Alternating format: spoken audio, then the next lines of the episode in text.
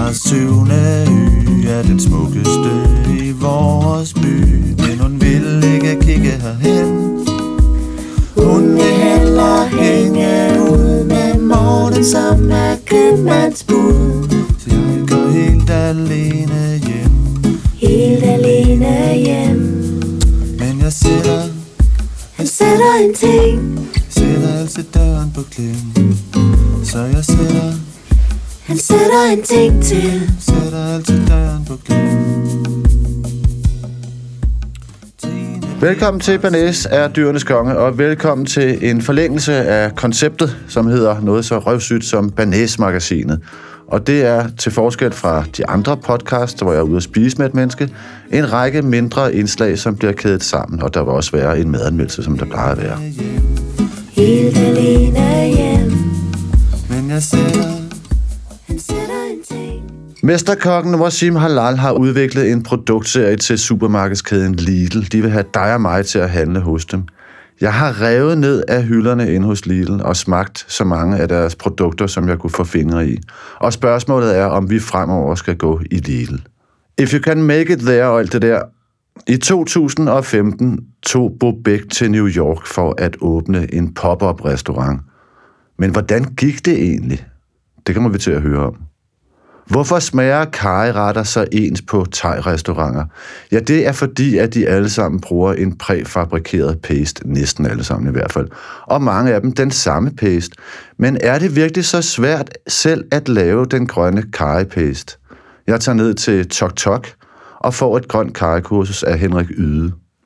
Verdensklasse, altså Klaas Bang, programmets kære speaker, har kæmpe succes ude i verden, men der var en gang, da det gik mindre godt for ham som skuespiller. For noget tid siden lavede han og jeg en salonaften på Granola på Værendamsvej, og der fortalte han om en fiasko. Og så skal vi ned af Memory Lane, lidt over et år tilbage, og mindst den dag, da Danmark fik verdens bedste kok i Lyon. Ugens madanmeldelse bliver det drønhammerne hotte sted, Polly på Frederiksberg. Velkommen til Banæs af Dyrenes Konger, og velkommen til Banæs-magasinet.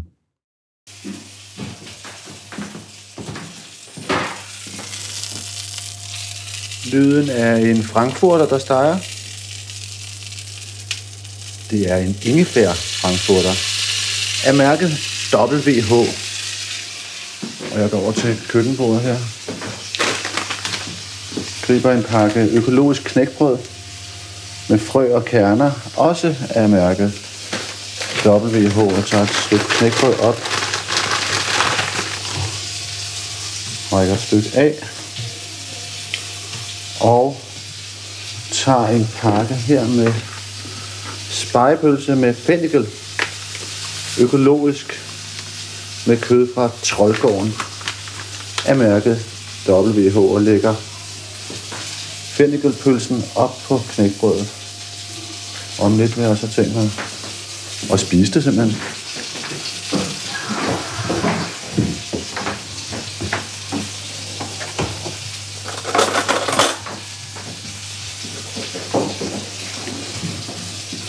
For 10 år siden indgik supermarkedskæden Netto et samarbejde med fejnsmækker stedet Lykkes Mose og nu fandt de to ud af, at de ville arbejde sammen. Det vil sige, at Lykkes Mose ville producere varer, som skulle sælges hos Netto. Og hvorfor nu det? Fra Lykkes Moses side, for at få udbredt deres varer, for at ekspandere. De var indtil da kendt for vin og for, for rygeost, lavede de. Og nu begyndte man at lave en masse andre varer, skyer, kylling, pesto osv. Og sælge det hos Netto, som var kendt for at have en masse råvarer af ikke særlig god kvalitet.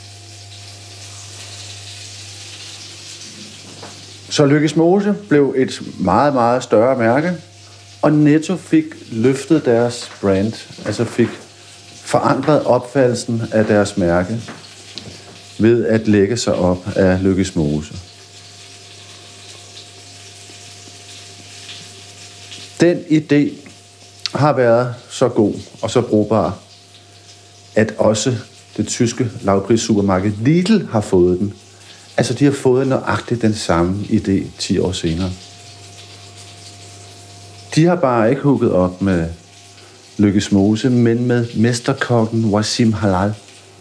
Wasim har arbejdet sammen med og fundet fødevareproducenter, som han har lavet produkter sammen med under mærket WH. De sælges hos Lidl. Og spørgsmålet er nu, om det er værd at gå i Lidl for at købe Wasim Halals varer.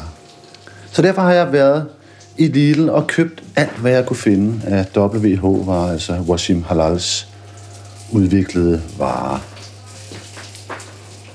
Om et øjeblik vil jeg begynde at spise mig igennem dem. Først knækbrødet med fennikelpølse. Siden frokostpølsen, som ligger her, er jeg næsten færdig, tror jeg.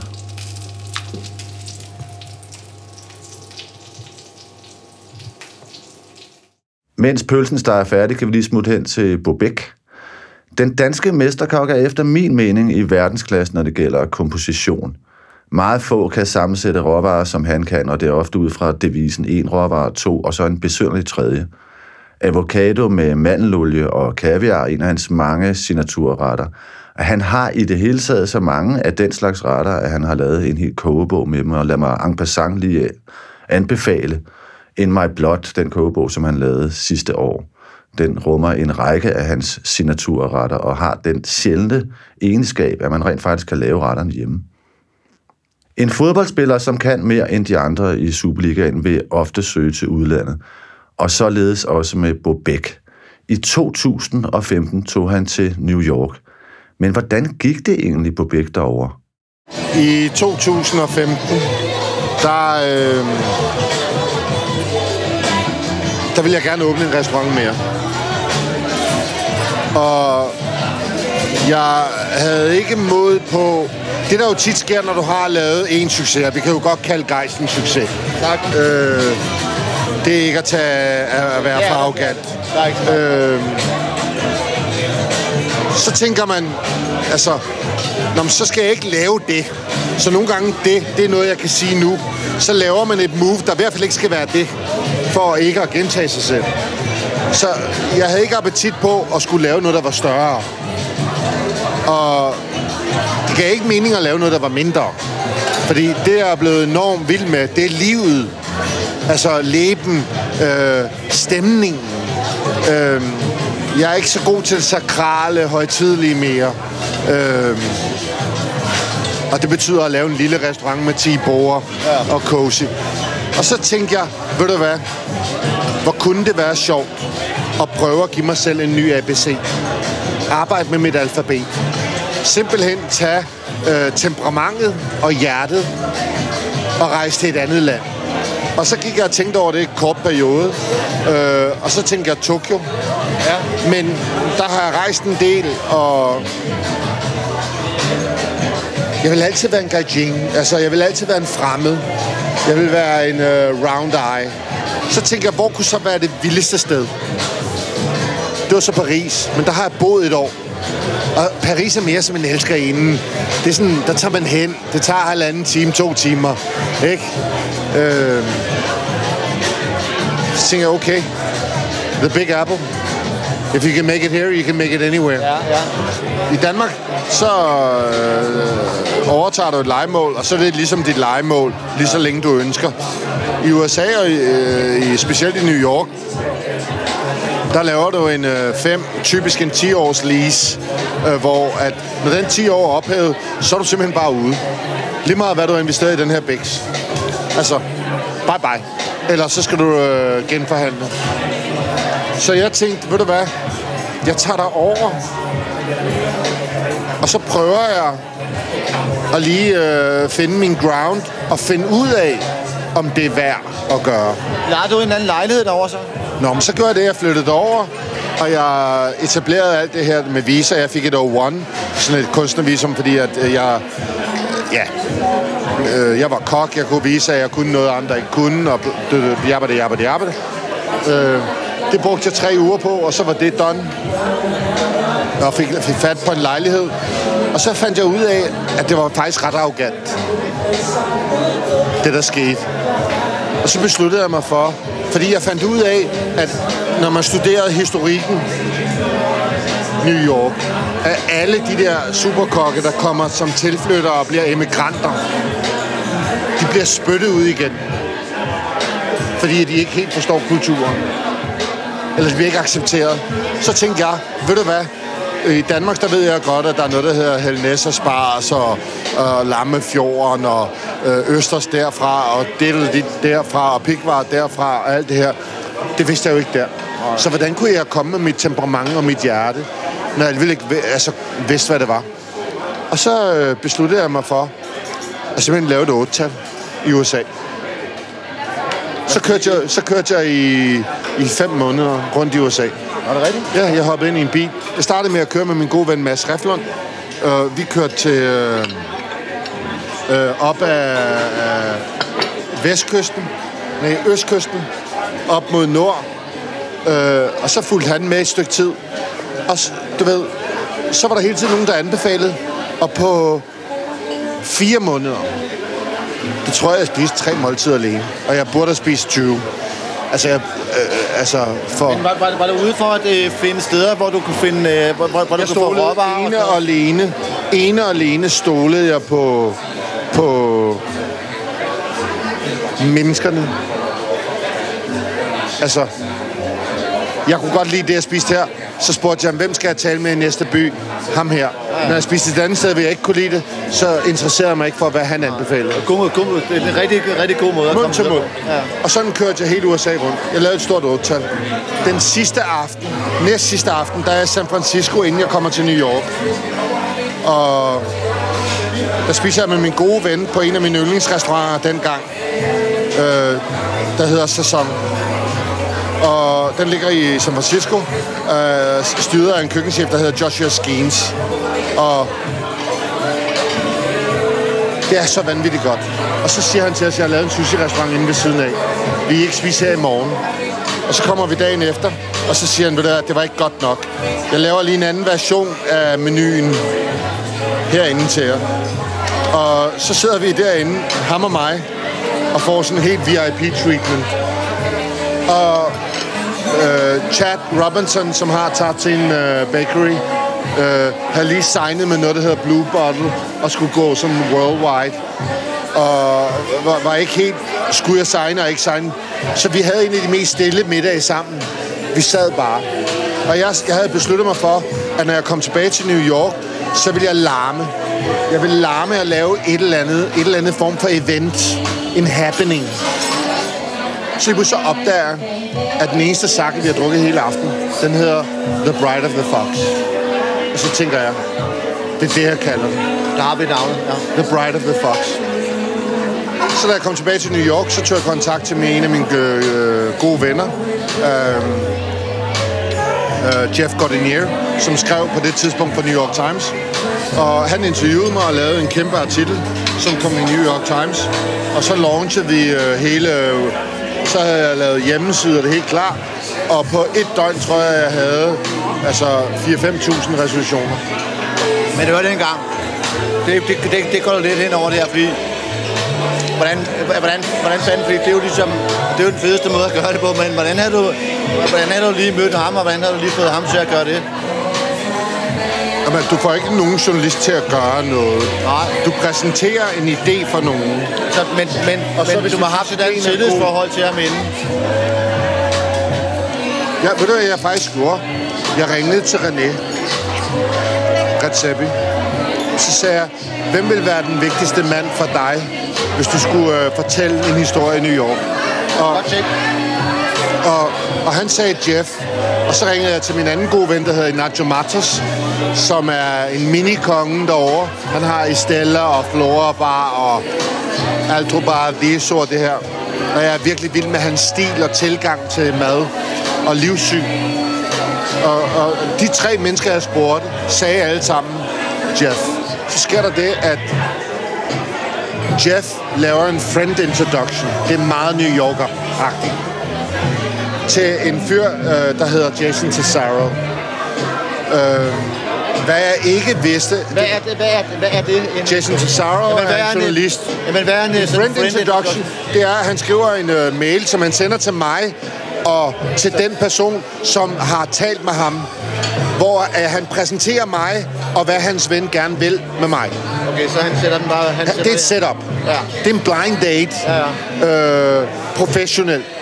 Og Jeff Gordinier, eller undskyld, Jason Cesaro, havde læst artiklen om uh, Bride of the Fox i New York Times, og inviterer mig så til uh, uh, Richmond, Virginia. Spørger, om jeg har lyst til at komme. Uh, kom der fem dage og se uh, The Neck of the Woods, eller sådan noget, tror jeg, han sagde. Så sagde jeg ja til, jeg synes, det lød spændende. Og så rejste jeg derhen, og så viste han mig Østers, grisefarme altså grøntsager, en gedefarm, altså gedeproduktion. Det var så skønt. Altså, det var så skønt. Og så sidder vi den sidste dag. Øhm, lad os, øh, må vi ikke bede om, Lukas, verdens mindste spinat? Verdens mindste spinat. Ja, tak. Øhm, og så den sidste dag, så siger han til mig, Bo, hvad, øh, øh, Bo, Bo, Bo, stop. Stop. Jeg er jo nødt til at være med til den første middag. Og så siger jeg, okay, cool. Så lad os lave den i morgen. Og her er vi i Richmond, Virginia. Og så siger han, øh, jamen altså, hvordan? Så siger jeg, så laver vi den første middag. Det er en hyldest til Richmond, Virginia. Øh, du skaffer alle de råvarer, vi har set. Så får du taget dem med i morgen tidlig. Du skal sørge for at være der klokken 10.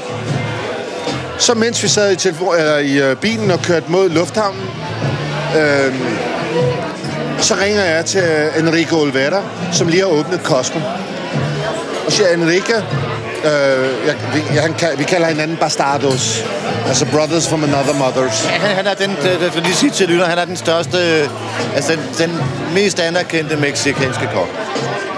Og han siger, Bo, jeg tager artbarsel. Kan du ikke komme næste uge og siger, at det skal være i morgen? Så siger han, okay. Jamen, øh, kan jeg ikke gøre det med Daniela?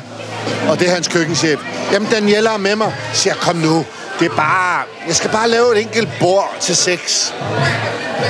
Og der skal jeg lige lave en indskudt bemærkning. The Bride of the Fox endte med at handle om, hvordan... Og det er lidt en... Øh, en, en overbrugt øh, riff, det her. Jeg tænkte, hvordan kan jeg imponere en by som New York? Hvordan kan jeg gøre mig bemærket? Og så gik jeg og tænkte på, at der er intet så særligt som det første kys. Alle husker det. Så det, jeg gerne ville, det var, at jeg skulle lave en ny location hver gang. Og der var ingen, der fik det at vide, før end at de bliver ringet op om morgenen, dem, der har tilmeldt sig. Så får de en sms. Are you in or you out? Så får de at vide, hvad det koster. Og så har de 10 minutter til at svare. Øh, så går jeg videre. Og øh, så sender jeg dem øh, senere på dagen en adresse, hvor de skal tage hen. Og ved du hvad? Jeg tror, jeg lavede 15. Der var ikke én knock on wood, der brændte mig af. Det var det, jeg var frygtede mest. Ja. Øhm, så Enrique går med til, at vi skal lave det på Cosme. Cosme er 6 uger gammel eller sådan noget. Og jeg kommer ind, og vi kører. Jason Cesaro, den bandit, han har så taget et kamerahold med, der filmede det hele. Okay. Og om morgenen, der får jeg en sms fra Jeff Gordinier, som skrev for New York Times, som jeg havde inviteret. Siger Bo, I'm sorry, I can't come. Kan jeg sende min ven Bob? Siger jeg, hvem er Bob? Siger bare en foodie. Siger fint, send Bob. Nu kan jeg ligesom ikke dele med det. Jeg har inviteret seks mennesker. To timer før middagen skal gå i gang, går jeg hen til souschefen. Hun hedder også Daniela. Og så siger jeg, Daniela, prøv at høre, jeg ved godt, øh, restaurant, øh, køkkenet er nede i kælderen. Jeg ved godt, at bordet er deroppe og sådan noget. Det her passet her, så hvor travlt får I i aften? Oh, we're not gonna be busy. Så får jeg en lidt overtalt. Det har jeg en evne til. Hvorfor laver vi ikke middagen ved det, altså det her stålbord midt i passet? Okay. Og det synes hun er sjovt. Det er, hvor mange gæster får vi? Ja, vi får 100. Så en time senere, Så lige pludselig står alt personale nede i køkkenet, og så skal vi øh, drikke mescal. Så har ny, øh, Cosme vundet Best New Restaurant in New York i Eater. Og de ender med at køre 420 gæster den aften. Nå, en time senere, gæsterne ankommer. Jeg laver mad, to retter inden. Så læner den øh, restaurantchef, som havde mig, hun læner sig ind til mig. Så siger hun, do you know who the fuck Bob is? Jeg siger, Snak, altså, jeg er i zone, ikke? Jeg, laver, jeg, jeg har givet mig et andet riff, der er, eller dogme. Jeg må ikke lave mad, jeg har lavet. Jeg må ikke tage mine... Øh, Du må ikke tage den gamle rig. nej, nej, nej, ja. Ikke? Øh, så jeg er ekstremt nøgen. Og så tjekker jeg min telefon, så har jeg 17 ubesvarede opkald fra Enrique, og Daniela sådan noget 22 eller sådan noget, og jeg lyver ikke. Og så tænker jeg bare, åh, jeg kan ikke have det. Og så siger jeg, who the fuck is Bob? Så det er Pete Wells. Og Pete Wells og New York Times anmelder. Okay. Men jeg er så meget i zone, at, at det kan jeg ligesom ikke håndtere. Vi laver den her middag, alt er godt. Og jeg havde sådan en drøm om, og det holdt jeg, at når, når folk forlod bordet, så tog jeg et billede af bordet. Der er sådan noget crime scene over det. Og så vil jeg lave en eller anden øh, bog om det på et tidspunkt, hvor jeg skrev om, om det her med glæderne ved bordet. Ikke? The relationship between us. Øhm, og det var, det var den første dag. Velkommen til New York, Bo. Der har altid været en fætter-kusine-relation imellem Hellerup og Frederiksberg. Men hvor Strandvejen dør i Dynevesten hver aften, er Gamle Kongevej blevet stadig mere happening. I dagtimerne er det mestendels barnevognscaféer med bagværk og hjerter i mælkeskummen, men at night er der Kork Vinbar med sin let dristige profil, Rouge Oysters med bæredygtige østers, et væld af orangevin og funky museerne. Der er ved muffenkæderne Mash, Sticks and Sushi og Vokshop, der er græsk mad hos Deli Greco, og nu også Polly.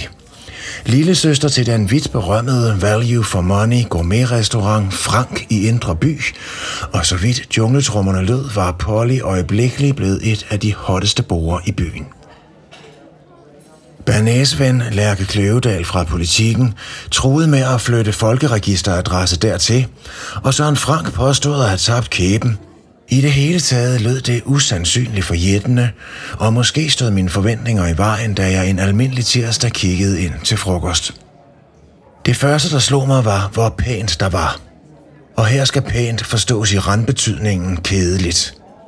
Et vinkelformet rum med en fin, lang spisebar mod køkkenet, sofabænke med mørkegrønt betræk, rustrødt på væggene, lamper fra Moster Hvidvins boligmagasin, nydeligt trægulv og de to borer, bestik i krukke på bordet og kunstplakater i ramme på væggene.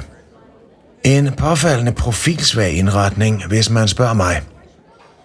De spillede Kurt Weill, poetisk rock med ulet hår. Generelt forekom musikdesignet mindre safe end omgivelserne, og heldigvis var betjeningen også langt mere personlig og rørende.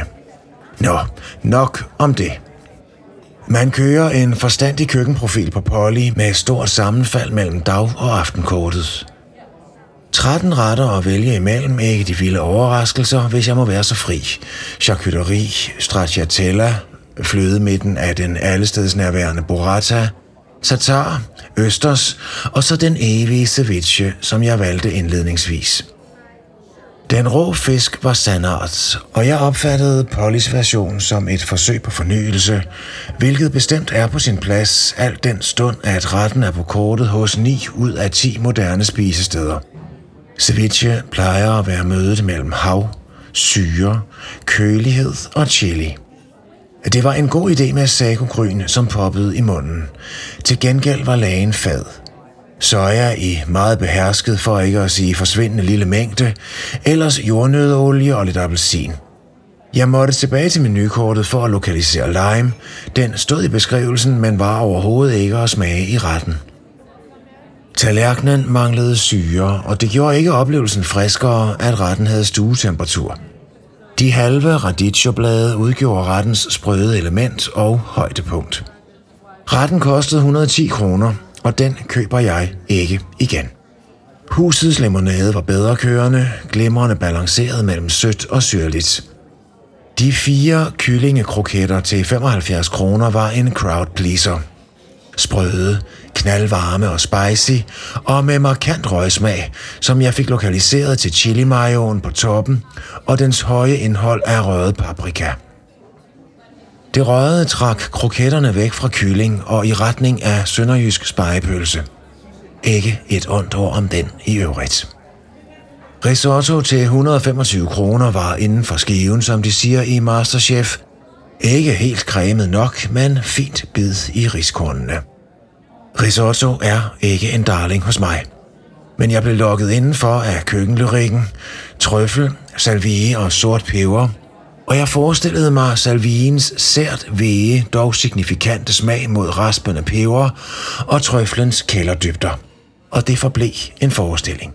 For i virkelighedens verden var det en klassisk risotto med strejf af motorolie. Ja, det var den smag, som trøflen havde at komme med, hvorfor jeg våger at antyde, at det ikke var en af de fornemme franske vintertrøfler, selvfølgelig ikke kunne tilføjes, for hvordan skulle det kunne hænge sammen til den pris? Jeg ville have været gladere for en risotto med Karl Johan, for nu at blive i svampeverdenen. Den fås tørret for en slik, man kan bruge vandet fra udblødningen til at koge risene i, og det smager af mere, og det smager særligt bedre. Verdensklasse Klaas Bang har spikket madanmeldelserne i dette program fra første færd.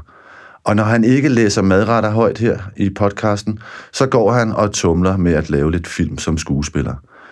Han er blevet kåret til årets skuespiller i Europa og har filmet med Mick Jagger og Donald Sutherland, og skal nu til at spille sammen med William Dafoe og Nicole Kidman. Det går altså forrygende for verdensklasse, men det har det ikke altid gjort. For nylig deltog han og jeg i en salon på Granola på Værndomsvej, og der tvang jeg Klaas til at fortælle om en af sine mindre vellykkede præstationer som skuespiller. Ej, Jeg vil faktisk helst ikke sige titlen. Nej, det gør heller ikke noget. Fordi, fordi at Ej, jeg, vil, det- jeg vil ikke udlevere nogen konkret på den måde, men i den her forestilling, øh, det er en Ibsen-forestilling, den hedder Den Fremmede, eller den hedder Fruen fra havet, og jeg spiller Den Fremmede. Den handler om den her kvinde, som, som har sådan en, en ret hæftig dragning mod havet og hele det mysterie, der er i det. Og den her sømand, som hun på en eller anden måde ser i sine drømme, og på et tidspunkt så kommer den her sømand til stede i hendes liv. Og øhm, der er sådan noget meget hypnotisk i hans blik.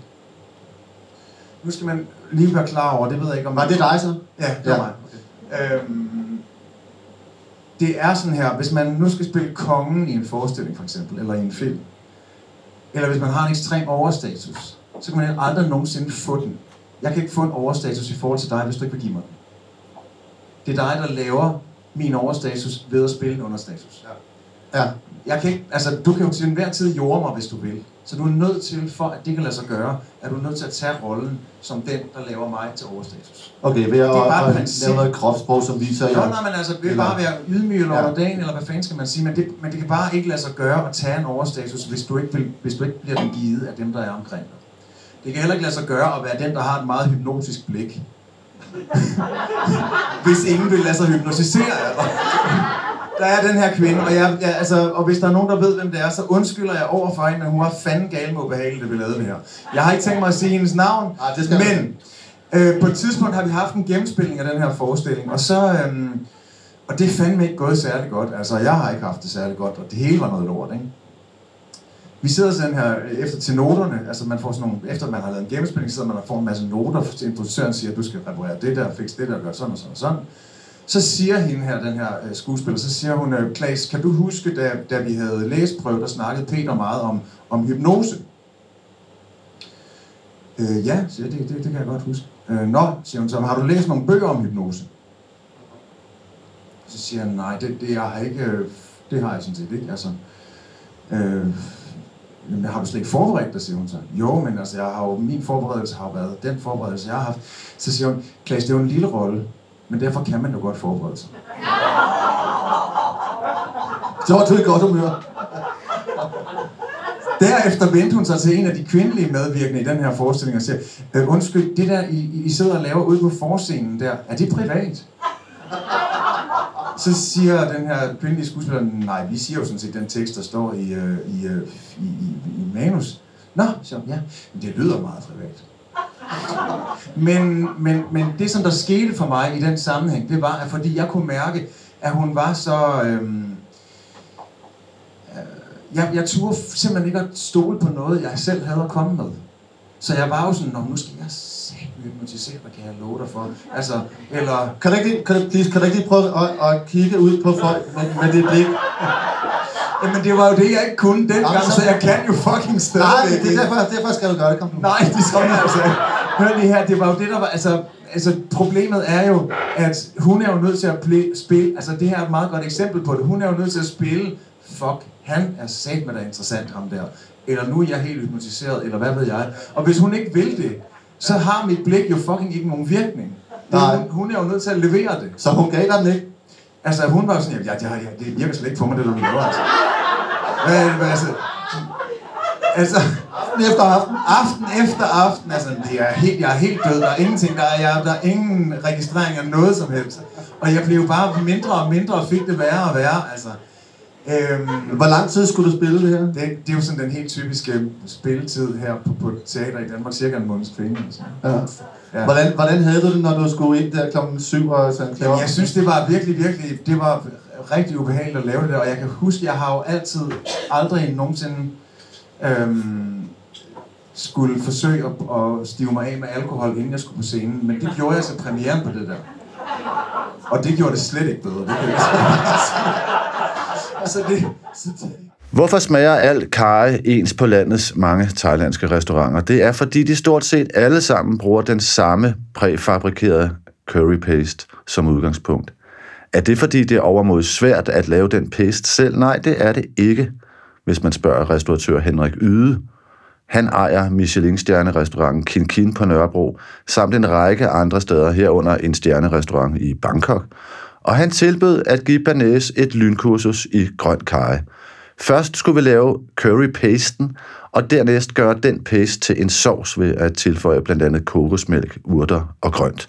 Jeg tog ud til restaurant Tok Tok på Vesterbro Torv. Henrik Yde, jeg er kommet for at lære at lave grøn kaj. Ja. Og det vil du gerne lære mig nu, og du siger, det går hurtigt. Ja. Hvad er det, der ligger foran os? Jamen, der er øh, forskellige thailandske ingredienser. Vi har øh, citrongræs, ja. som, øh, som de fleste kender. kender øh, og citrongræs er jo sådan en sjov, sådan lidt hård stilk, øh, som enten skal skæres meget fint. Her der blender vi den. Den giver den her citrus. Så har vi øh, her kamferurten. Øh, Den som- ikke. Nej, ja, den, den, er, en- den er virkelig, virkelig vigtig. Den dufter lidt eller kamfer. Man kalder den også for den, den, den tredje ingefær ude i, øh, i Thailand. Og øh, jeg er rigtig, rigtig glad for den i, i Kai. Øhm, så er der galanka, som er øh, den her rosenduftende ingefær. Der er øh, chili selvfølgelig. Så er der hvidløg, og der er løg, og øh, grønne peberkorn, og øh, Thailands basilikum, øh, som ligger her. På Thailand, der har man forskellige slags basilikum. Øh, man har den søde, man har en, der smager lidt mere citrus. Så har man det, man kalder for den hellige. Øh, I gamle dage var det munkene, der dyrkede det til medicin. Øh, så fik den ikke øh, øgenavnet, den hellige basilikum. Øh, og så skal der lidt øh, peber i, øh, fiskesovs, og øh, så den allervigtigste ingrediens, som er det, der hedder krabi, som er vores øh, rejepaste. Det er krill, altså små rejer, som man fanger nede øh, omkring Phuket, og så bliver de øh, rørt med salt, og så bliver de fermenteret i solen i cirka 2-3 ugers tid. Og så får man den her fermenterede rejepaste, som lugter afskyeligt, men giver den her hummerbiskagtige smag i en øh, kaj. Og der er jeg ude efter, og, og, og at vi når frem til noget her, som folk selv, og som jeg selv kan lave i køkkenet hjemme. Og den her rejepaste her, altså kan jeg skaffe den øh, vi, vi her har på Vesterbro? Alle øh, thai-købmænd har en, en stående. Øh, det allerbedste er selvfølgelig at få den frisk. Kender man nogen, der er på Phuket, så send dem ned på havnen og bed dem om at tage en, en dåse med hjem. Det er, et, øh, det er et virkelig godt produkt til at give umami i, i maden. Ikke bare øh, i karierne, men også som sådan en, en øh, knorterning, altså en, en, en rejeterning Ja, ja. i, øh, i mange retter. Men altså, vi kan så godt slå fast her, at man kan skaffe den, øh, hvor man nu køber sin tegting. Alle- det bliver bare alle- ikke lige så udsøgt, som det, du har stående foran dig her. Der er forskellige kvaliteter, øh, og, og jo ældre den er, jo mere tør og hård bliver den. Så altså, jeg kan bedst lide, når den er de der helt frisk og stadig er blød. Og, Okay, men kan man så sige det? Kan man sige det, når man skal ned og købe? Jeg vil, jeg vil gerne have en, altså hvis de har flere øh, aldersgrader. altså her i København er der jo masser af, af gode thai købmænd, som har dem, og Okay. okay. som får dem ind fast og sådan nogle ting. Jeg tror, hvis man bor over i Jylland, så skal man nok ikke være for patentlig med udvalget, så skal man bare... Men, men den er vigtig at have med, fordi uden den, så, så er det ikke en rigtig thailandsk kaj. Og der, vi oplever tit, at vegetarer gerne vil have en, en autentisk kaj, og det, det, det er sgu svært. Og så kan jeg se, at øh, den fiskesovs, som du bruger her, den har vundet alle mulige priser. Det er jo ikke den, den ligner ikke den, jeg plejer at bruge. Nej, og det, det er jo også, altså der er jo også forskel på fiskesovs, men det er jo øh, fiskesovs af, af de her øh, fisk, som bliver øh, lagt med salt, og så bliver, glemmer man dem sådan i et års tid, og så den her væske, der kommer ud af, af den her fermenterede fiskesovs. Og den er jo vigtig i thailandsk mad, for vi bruger jo ikke salt på samme måde som herhjemme, der bruger vi fiskesovsen, og det er jo en, en ren umami-bombe, og den, den, er, den er sådan, kan man sige, ryggraden i, i alle retter. Øh, så det er vigtigt at, at få sig en god kvalitet. Øh.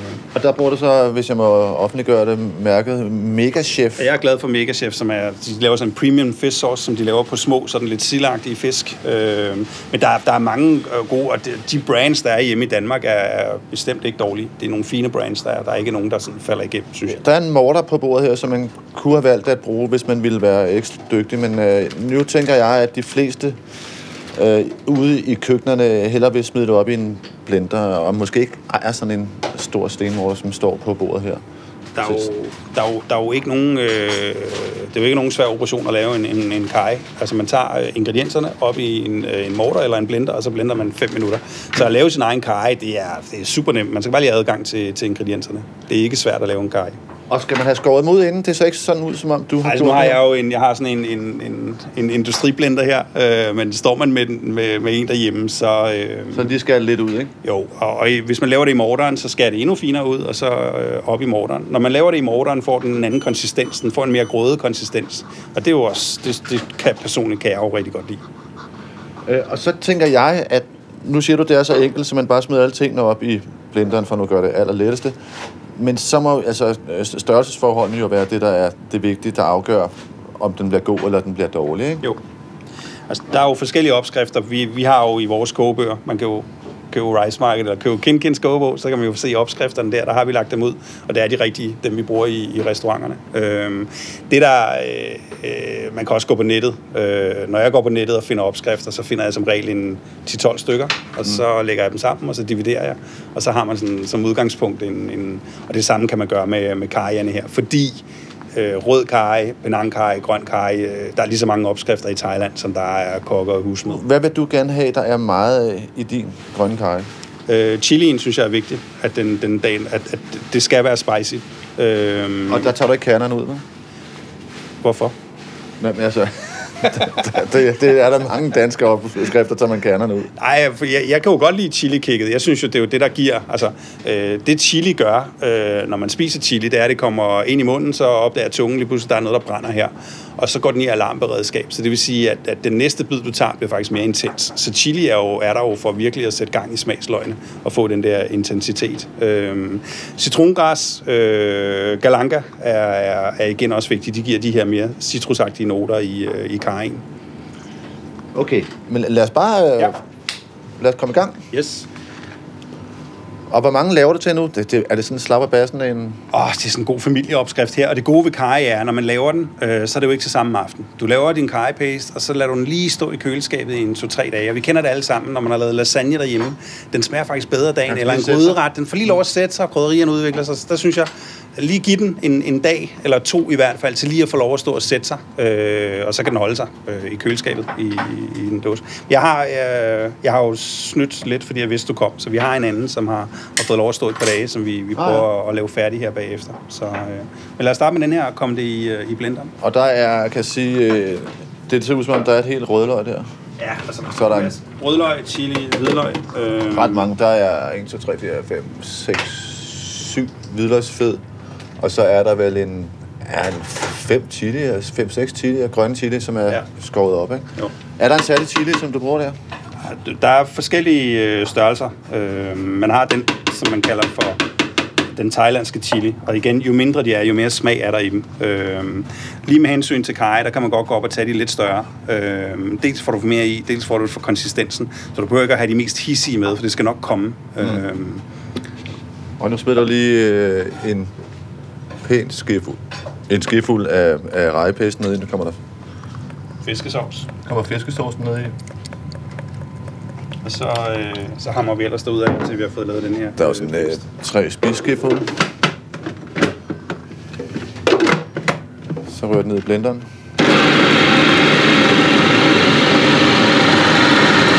kan du fornemme, hvor vi er på vej hen. Så er der lige en lille bid her. Det smager allerede godt nu, ikke? Altså, Allerede det, er det, lidt der har... Og den skal så bare have lov nu øh, at køre øh, en, en 10 minutters tid. Okay. Så man har fået en, en god, dejlig paste. Okay. Øh, de karier, du køber, de er jo sådan helt finmalede. Ja. Øh, og det behøver den sådan set ikke at være øh, derhjemme. Øh, når man så har sin currypaste færdig, så øh, skal den lige op i en gryde. Og der vil man i rigtig mange opskrifter have, at den skal brændes af i olie. Og det, det er virkelig en udbredt misforståelse, det her med at brænde krydder, øh, krydderier af i olie. Øh, jeg kommer jo hjem hos nogen, hvor jeg ser, hvordan de simpelthen bare høvler krydderier ned i den her varme olie og brænder dem fuldstændig af. Ja. Og så får man skabt den her bitterhed, som jeg ikke synes er specielt charmerende. Øhm, så kajpasten skal, skal varmes op, men, men vi skal bare have, have frigivet olierne øh, fra ingredienserne, men den skal ikke op og, og, og Altså, brænde efter, eller den er, efter af. den er færdig her, så, så skal den lige varme. Lige, op, lige varmes op i lidt olie, men det er kun for at frigive øh, krydderierne. Omkring 100-120 grader. Den behøver slet ikke at komme op og, og riste, som, som nogen gør. Det synes jeg er, jeg synes, det er ærgerligt, når man har, har brugt så meget energi på det. Derefter der tilsætter vi så øh, kokosmælk. Så er der øh, de klassiske øh, smage til en grøn kaj er øh, auberginer. Og man har to slags ude i, i Thailand. Og øh, hvis man oversætter øh, Gangkiawan, som er grøn kaj på thailandsk, så er det den søde kaj og den røde kaj. Øh, der har man altid øh, sagt, at til, til den søde kaj, så skal der øh, bitre grøntsager, og til den røde kaj og omvendt. Ikke? Øh, jeg synes, man, man bestemmer selv. Men jeg, jeg er glad for de her små baby auberginer, øh, og så er der de her ærte som er helt små, men det er dem, der er bitre. Og de, det er vigtigt for lige at skabe den her balance i, i maden. Jeg kan rigtig godt lide masser af, af basilikum, og den her, som er prøve at dufte. Den har sådan en lakridsagtig duft. Ja. Øh, er Meget, meget klar, virkelig glad for. Ja. Den får lige et ekstra skud med øh, limeblad, og øh, vi får dem hjem her frosne. Øh, man må desværre ikke få friske limeblade i Danmark. Øh, vi kan få dem fra Italien nogle gange, der har de nogle træer nede. Øh, der er sådan en frygtelig... Øh, der er sådan en frygtelig øh, citrussygdom. Øh, Nå, okay. og nogle gange, lige da vi, jeg husker lige da vi åbnede den første restaurant, der fik vi dem hjem, og så lå de sådan mellem avisbladene, så kunne vi få dem ind i landet på den måde. Og jeg synes, det var enormt sjovt, at jeg sådan smuglede limeblade ind.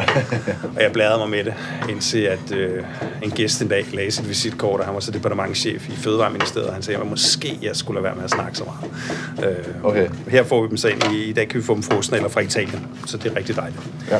Jeg kommer, øh, jeg kommer den her kamp for i. Øh, Efter vi har, efter, efter den er blevet kogt op, op. til allersidst til lige at give, øh, til lige at give det sidste. Så skal karrien øh, sødes. Der har vi palmesukker.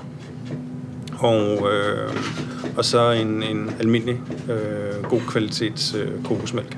Og palmesukkeren, kan jeg fortælle, ligger i, øh, i, i stykker i en pose, som ligner, ligner faktisk en, en puk fra is, ishockey eller sådan noget. Den har nogenlunde den samme størrelse. En lille, rund tingest, som palmesukker Og, og man kan sagtens bruge øh, almindelig raffineret sukker, øh, hvis man har lyst til det. Palmesukker er ikke så sødt som almindelig sukker. Øh, og jeg synes bare, det runder retten af på, øh, på, en, på, en, på en lidt mere sådan honningagtig måde. Okay. Men øh, lad os sætte en gryde over og Ja. øh, koge er den op i gryden med lidt olie. Og skal nu varmes op til omkring 100 grader, ikke?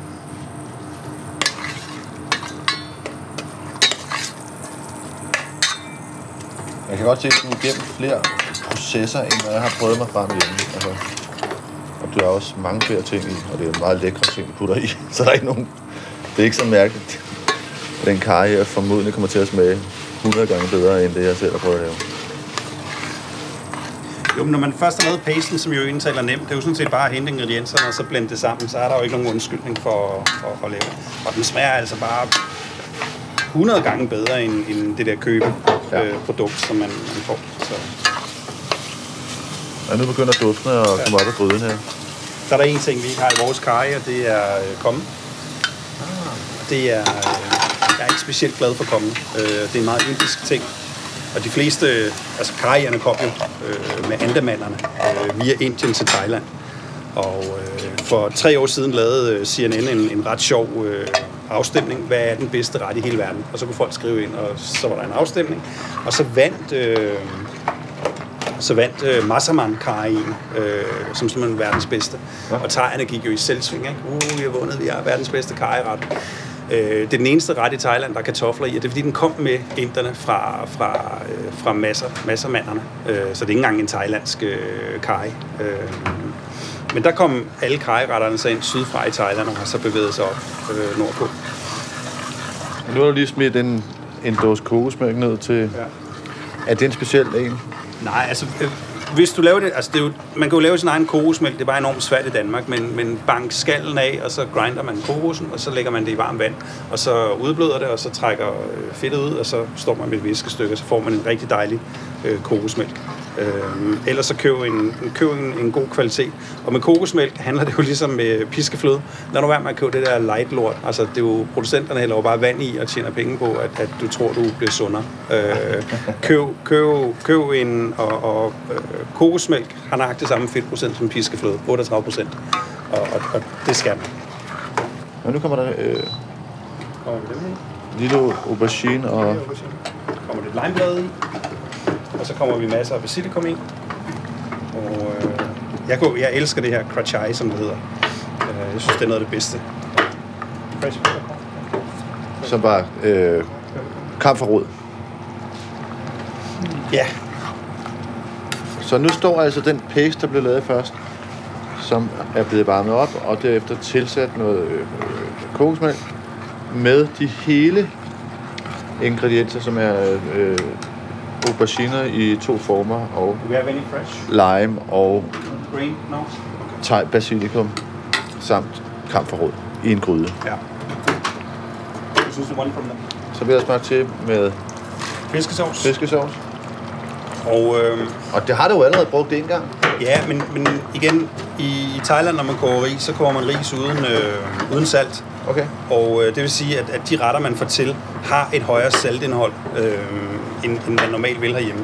Og vi har jo nogle gange nogle gæster, som kun spiser retten, og ikke spiser risen, som jo, altså man siger, to tredjedel ris og en tredjedel tilbehør, hvis man skulle spise efter Thailands forbillede. Og så kan retterne godt virke sådan lidt for salte. Øh, men, Nå, fordi det er stemt, stemt af til, at man ikke har... stemt af til, at, at der er ris ved siden af. Ikke? Så Okay. nu har vi lavet grøn kaj, som er klar til at blive serveret. Så kan man så tilsætte øh, kylling, eller man kan tilsætte rejer, eller hvad man nu har lyst til. Så det vi har gjort her, det er, at vi har faktisk lavet den grønne kaj sovs. Først pasten, og så derefter sovsen. Og paste til kaj, ikke? Ja. 10 minutter senere. Mm. Sværere er det ikke. Ej, det smager godt. Ja, og der er bare altså, der er en dybde, som, som man ikke finder i de her andre kajer, som kører mere på sukkeren, eller her, her der kommer du virkelig ned og mærker. Ja. Og det bliver bare ved, ikke? Det kommer sådan lige i tre stød. Uh, der var, der var Det er noget rigtigt. blanca, og der Så kom dukker det op. lige, og Ja, jamen, det er rigtigt. det, hele, det hele ruller rundt. Og det er jo det, en, en god kaj skal. Øh, Det smager virkelig godt. Det smager virkelig godt. tak. Det var dejligt nemt, jo. Ja, Det var hjemme på at lave. der er ikke nogen undskyldning for ikke at lave sin egen. Og, og man kan jo forholde sig nogenlunde frit til, nu øh, putter du forskellige ting i, som du holder af her til aller sidst, ikke? De øh, aubergine i to former, ikke? Jo. Men igen, vi har jo en, en regel om, at jeg synes jo, det er fuldstændig tåbeligt at flyve grøntsager ind på første klasse, 8.000 km. Så øh, restauranterne har, at de skal bruge øh, de, lokale, lokale grøntsager, som nu er i sæson. Ikke? Så lige nu Ja. har vi græskar, almindelige auberginer og sådan nogle ting. Øh, man kan også, som her, nu kom du i dag, så har vi så taget de klassiske ingredienser med, ikke? som er baby auberginer og auberginerne. Øh, Men, men ellers kunne man også godt bruge altså en ganske almindelig middelhavsaubergine, eller... Ja, ja, ja, ja, og det gør vi jo også normalt. Øh, og, og to gange om året får vi sådan en klage over, at der ikke er rigtige thailandske auberginer i. Ikke? Og så skal vi ind og forklare, hvorfor der lige nu er porre, eller champignon, eller hvad det nu er, eller østershatte, hvad vi nu har fået hjem. Ikke? Ja, okay. Men der, der kan man bruge de grøntsager, man vil, og den er dejligt fleksibel. Øh, og igen, man kan også bruge den form for, om det er blæksprutter eller rejer, eller hvad for en protein, man har lyst til at komme i. Tak for kurset. Ja, værsgo. Mit første besøg på Polly var en skuffelse. En under middelmådig oplevelse, et syvtal, og det kunne da ikke passe, at alle faldt i svime, så jeg tog selvfølgelig tilbage et par uger senere og lavede en walk-in på en torsdag ved frokost. Pænt besøgt igen. Jeg er retfærdigvis nødt til at nævne brødet, det glemte jeg første gang. Focaccia-type, lunt og let, og med en tallerken fin olie med peber til at døbe i. Jeg gik full on barselsmamma og bestilte rødbedesalat, og den havde de styr på. Flat på en tallerken lå forstandigt behandlet rødbede, radicchioblade, kapers, græskarkerner, urter, dejlig syrlig dressing og masser af findelt feta. Jeg bestiller aldrig salat, når jeg er på restaurant. Men den her, den kunne jeg finde på at bestille igen. Den kostede 150 kroner, og så var den også betalt. To træne fyre, stamkunder angiveligt i stramme business-skjorter, havde blindsmagning på vin kørende ved nabobordet, og de gættede forkert. Knivmuslinger, karry, grønne oliven og mandler kunne jeg ikke forbigå, og det var en generøs servering til sine 130 kroner. Smuk og rustik tallerken med otte knivmuslinger i skaller, et væld af krutonger, mandelsplitter og en tynd karrysauce. Der var et alt overskyggende problem. Man havde givet de tynde muslinger for meget. De var gummi i konsistensen. Dernæst var det bøvlet, at man havde begravet muslingerne under et lag af krutonger. Der var så mange, at man kunne have opført en ny bydel af dem. Jeg lossede dem til side for at komme ned til sovsen, og fik desværre ikke løn efter fortjeneste. Den smagte af generisk karry, smør, kogevæde og citron, og var ganske enkelt ikke interessant nok. Som udgangspunkt forstår jeg ikke ideen med at kombinere sart skalddyr med overdøvende indisk karriblanding. Og hvis retten var tænkt som mere en karri end musling, måtte det nødvendigvis kræve en lækrere karri. Der lå et limeblad dernede som en hilsen til Thailand, og jeg ville personligt være gået fuldtonet ned ad den sti og have lavet en mild grøn thai i stedet for som her at sætte sig imellem to stole. Et tortilla i en smørbaseret nedkogning ville også have været raffineret. At tage muslingerne ud af sine skaller inden servering og lave dem færdige i væden ville have forbedret spiseoplevelsen. Og fint med mandel, men hvad skulle det cafélæs af croutons? Ja, undskyld, at jeg blander mig med alle mine meninger, men jeg synes, at der var ansat til en rigtig glimrende ret, og jeg vil hellere komme med mine bud, end bare at sige øvbøv. Jeg fik fritter til en 50'er, og dem har jeg absolut ingen kloge meninger om. Perfekt tykkelse, knaldvarme, sprød skal, blød midte. Chokoladetærten var suverænt den største spiseoplevelse på Polly.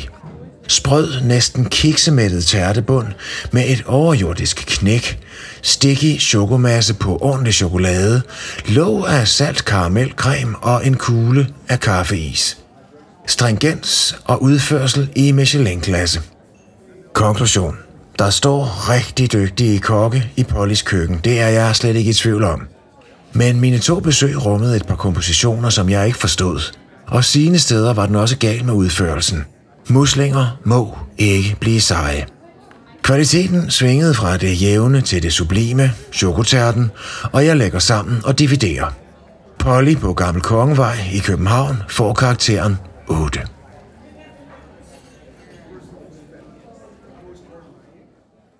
For lidt over et år siden blev Kenneth Toft Hansen verdens bedste kok, da han vandt guld i Bocuse d'Or i Lyon. Jeg var med dernede, og det blev også et emotionelt højdepunkt for Banæs-redaktionen. Lad os lige træde et skridt tilbage og ned ad Memory Lane og høre, hvordan det gik. Den danske lejr deroppe er fuldstændig stivnet. Alle har ligesom jeg har det. Om et øjeblik kan det være en realitet, at Kenneth Soft Hansen får guld i Bocuse. Men, men, men, det kan også ske. Som sidst, at en eller anden, Finland, USA, Japan, kommer ræsende udenom. Okay, nu får Jérôme Bocuse kuverten. Hør lige en gang, hvor stille der er.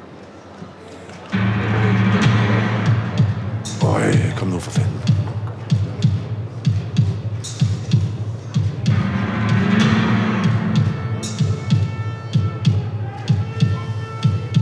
Han har fingrene nede i, i kuverten. Han har taget en mikrofon. Kan der komme et ord ud af hans mund?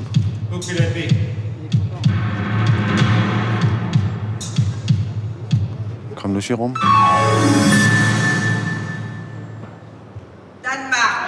Danmark! Aften med de valg.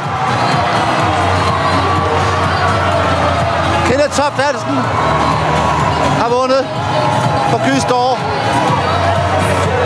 Og jeg hopper hernede i presset området. Vi har en dansk guldvinder. Det er en helt ufattelig triumf.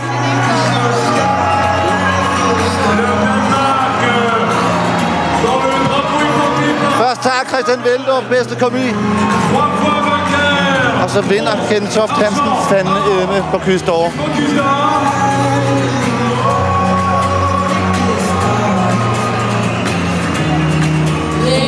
and gentlemen, you have Undskyld, Norge. Vi gjorde det igen.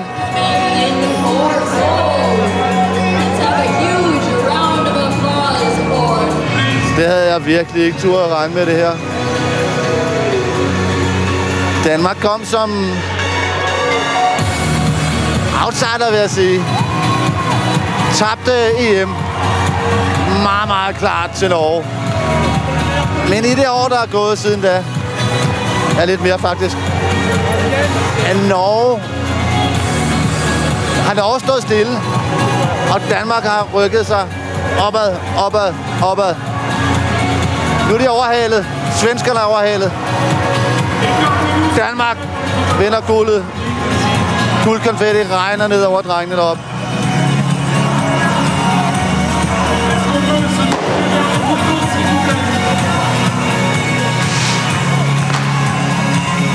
Hold da kæft, mand.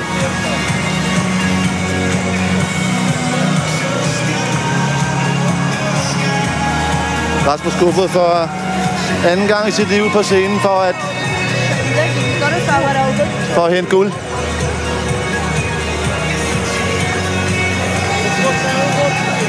En kæmpe triumf. Og helt suverænt er også Christian Veldorf tog prisen som bedste komi.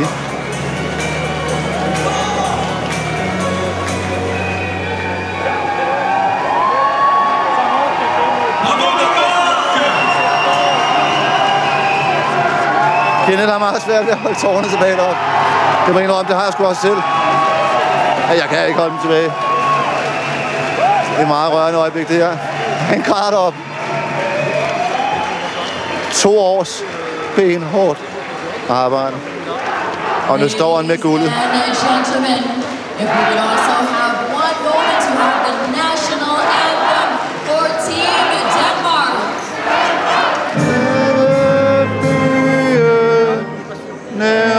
Salten Østerstrand Nær salten Østerstrand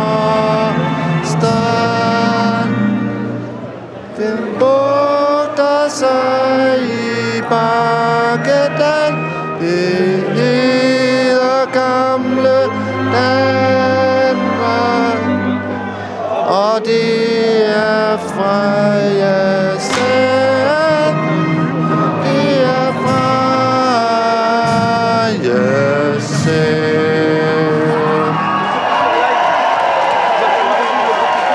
Danmark vinder på 2019. Det var en over-the-top reportage fra Bocuse d'Or sidste år i Lyon. Bocuse d'Or kører videre. Den 28. og den 29. maj er der EM for kokke i Tallinn, og den konkurrence leder frem mod næste års Bocuse d'Or i Lyon i januar. Dansk deltager denne gang ved Bocuse d'Or er Ronny Væksø Mortensen fra Geranium, som får selveste Rasmus Kofod som sin coach. Ronny var assistent for Kofod i 2007, da han vandt sølv. Ronny og Kofod kender hinanden ud og ind, og Danmark har altså en meget, meget stærk repræsentant til næste Bocuse. Og lad os lige gå tilbage til pølsen og alle de varer, som Washim Halal har udviklet for Lidl. Nu tager jeg pølsen af panden og skærer i den her. Og lad mig smage med lidt øjeblik. Sådan der.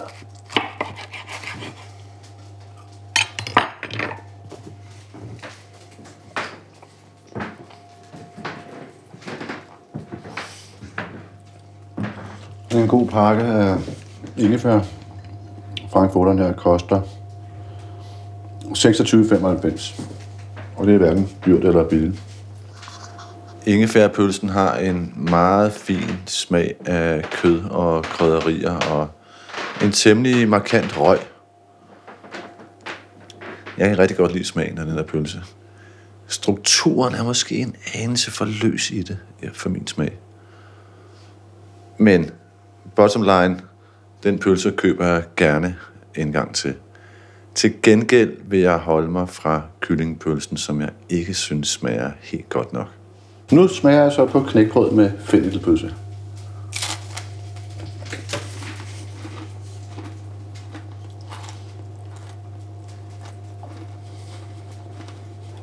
Og det er virkelig godt, det her knækbrød. Dejligt saltet, dejligt saltet og sprød og temmelig fed også. Men virkelig godt. Pølsen smager kraftigt af fenniken, og det skal den jo. Og den her bid her med knækbrød og fennikelpølse er en luksusspise. Og den kan man altså erhverve sig for. Knækbrød koster 19,95. Og det skal man bare købe. Det vil være godt til alt. Så er det godt til ost også. Og pølsen her, glimrende spejepølse, som er skiveskåret, koster 10 kroner for en pakke. Ganske vist kun med 70 gram i, men der er der nok til et par madpakker. Som jeg sagde før, så har Washim Halal hooket op med producenter, som man samarbejder med, om at lave de her varer til, til Lidl under mærket WH. Og nu smager så den creme fraiche 38 procent, som han har fået produceret. Og den er dejligt fast i det, og cremet, og smager af meget. Det er en creme fraiche, som vi kunne hamle op med de bedste, der er på markedet.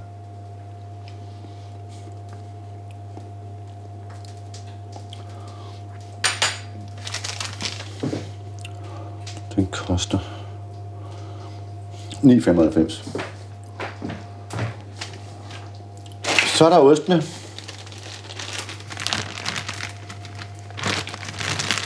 Oste laver nemlig også. Og det er i samarbejde med, lad os se her, Team Andelsmejeri. Jeg smager først på Mysella 60%, altså en blå ost, til 11,95. En størrelse, som minder om den, som den Bornholmske St. Clemens har.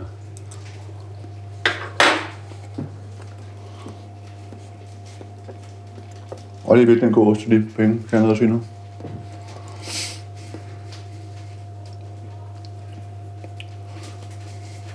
God dyb smag.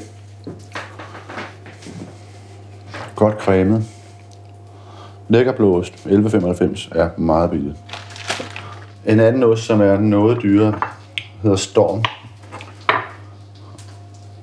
Og det er en ost, der har lagret i op til 42 uger med krystaller. Og det ligner et bud på at ramme det marked, som Vesterhavsost har, har ramt så rigtigt. Må mere en gang.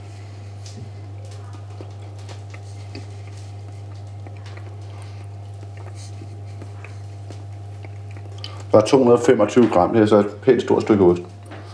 Koster 49,95. Og det er for ost af den her kvalitet. Den smager rigtig godt. Den er fast, men den er samtidig cremet, og så er der de her små knæsende krystaller i, som også findes i for eksempel parmesanost. Virkelig god ost. Virkelig god ost. Mayonnaise har han lavet. Og det er fra Majoriet på Samsø, altså et mayonnaiseri. Jeg smager først her deres chili mayonnaise.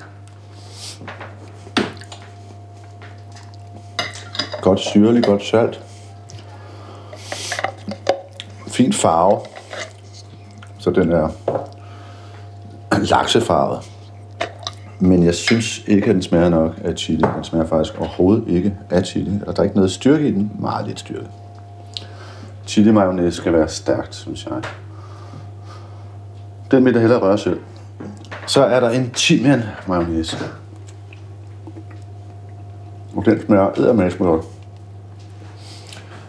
Kæmpe stor timian smag. Det er en mayo, som jeg kunne gøre alle en hver sandwich bedre. Rigtig god. 24,95 for den her timian mayo. Jeg tager lige en skefuld mere. Suverænt godt lavet. Nej, der er en. Også lige en glas rødbeder her. Lad os prøve at smage det.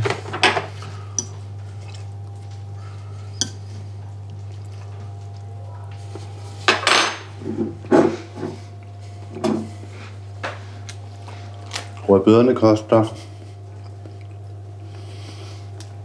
1995. Og den er fra, hvad vi lavede sammen med.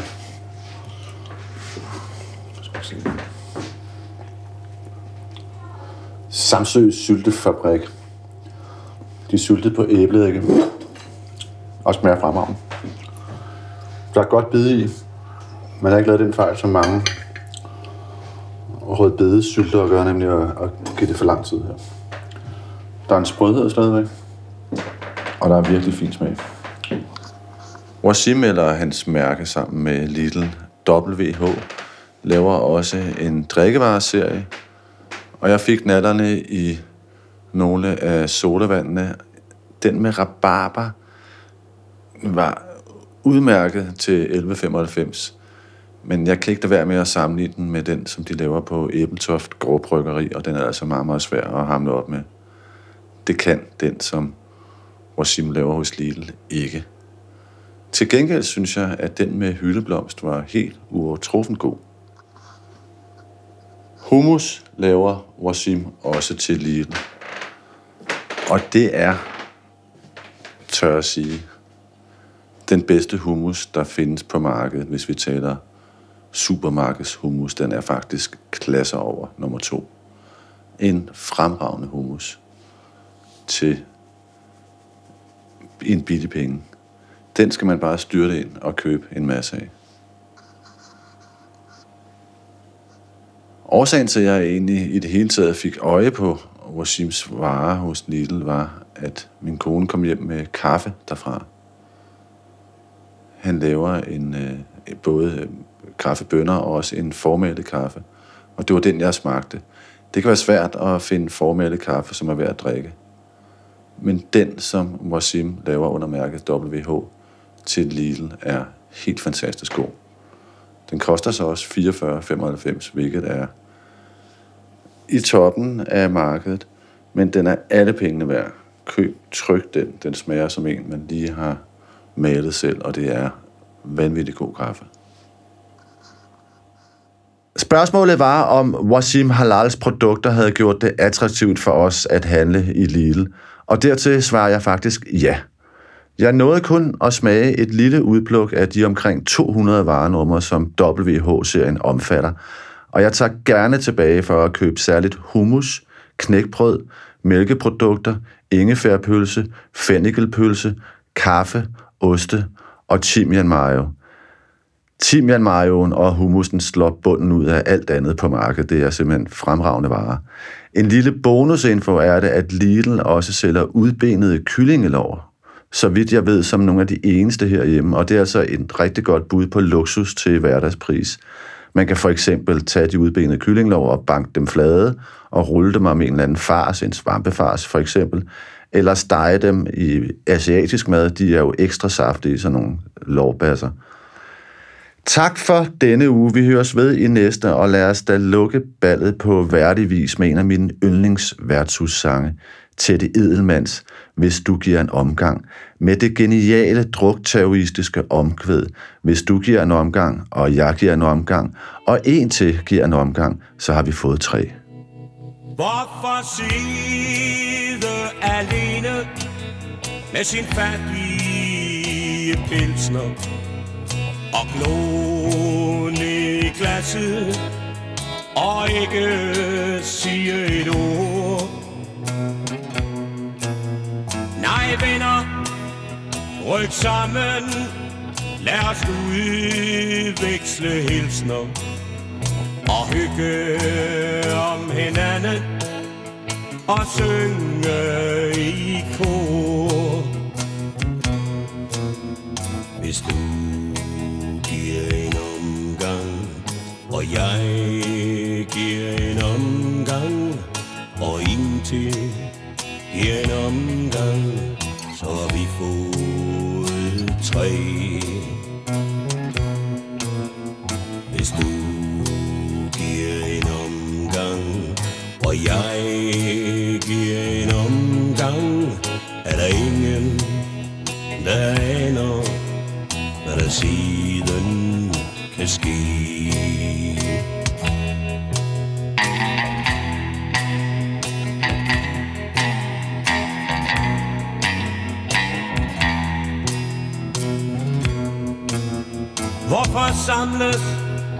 vi på de små ydmyge steder?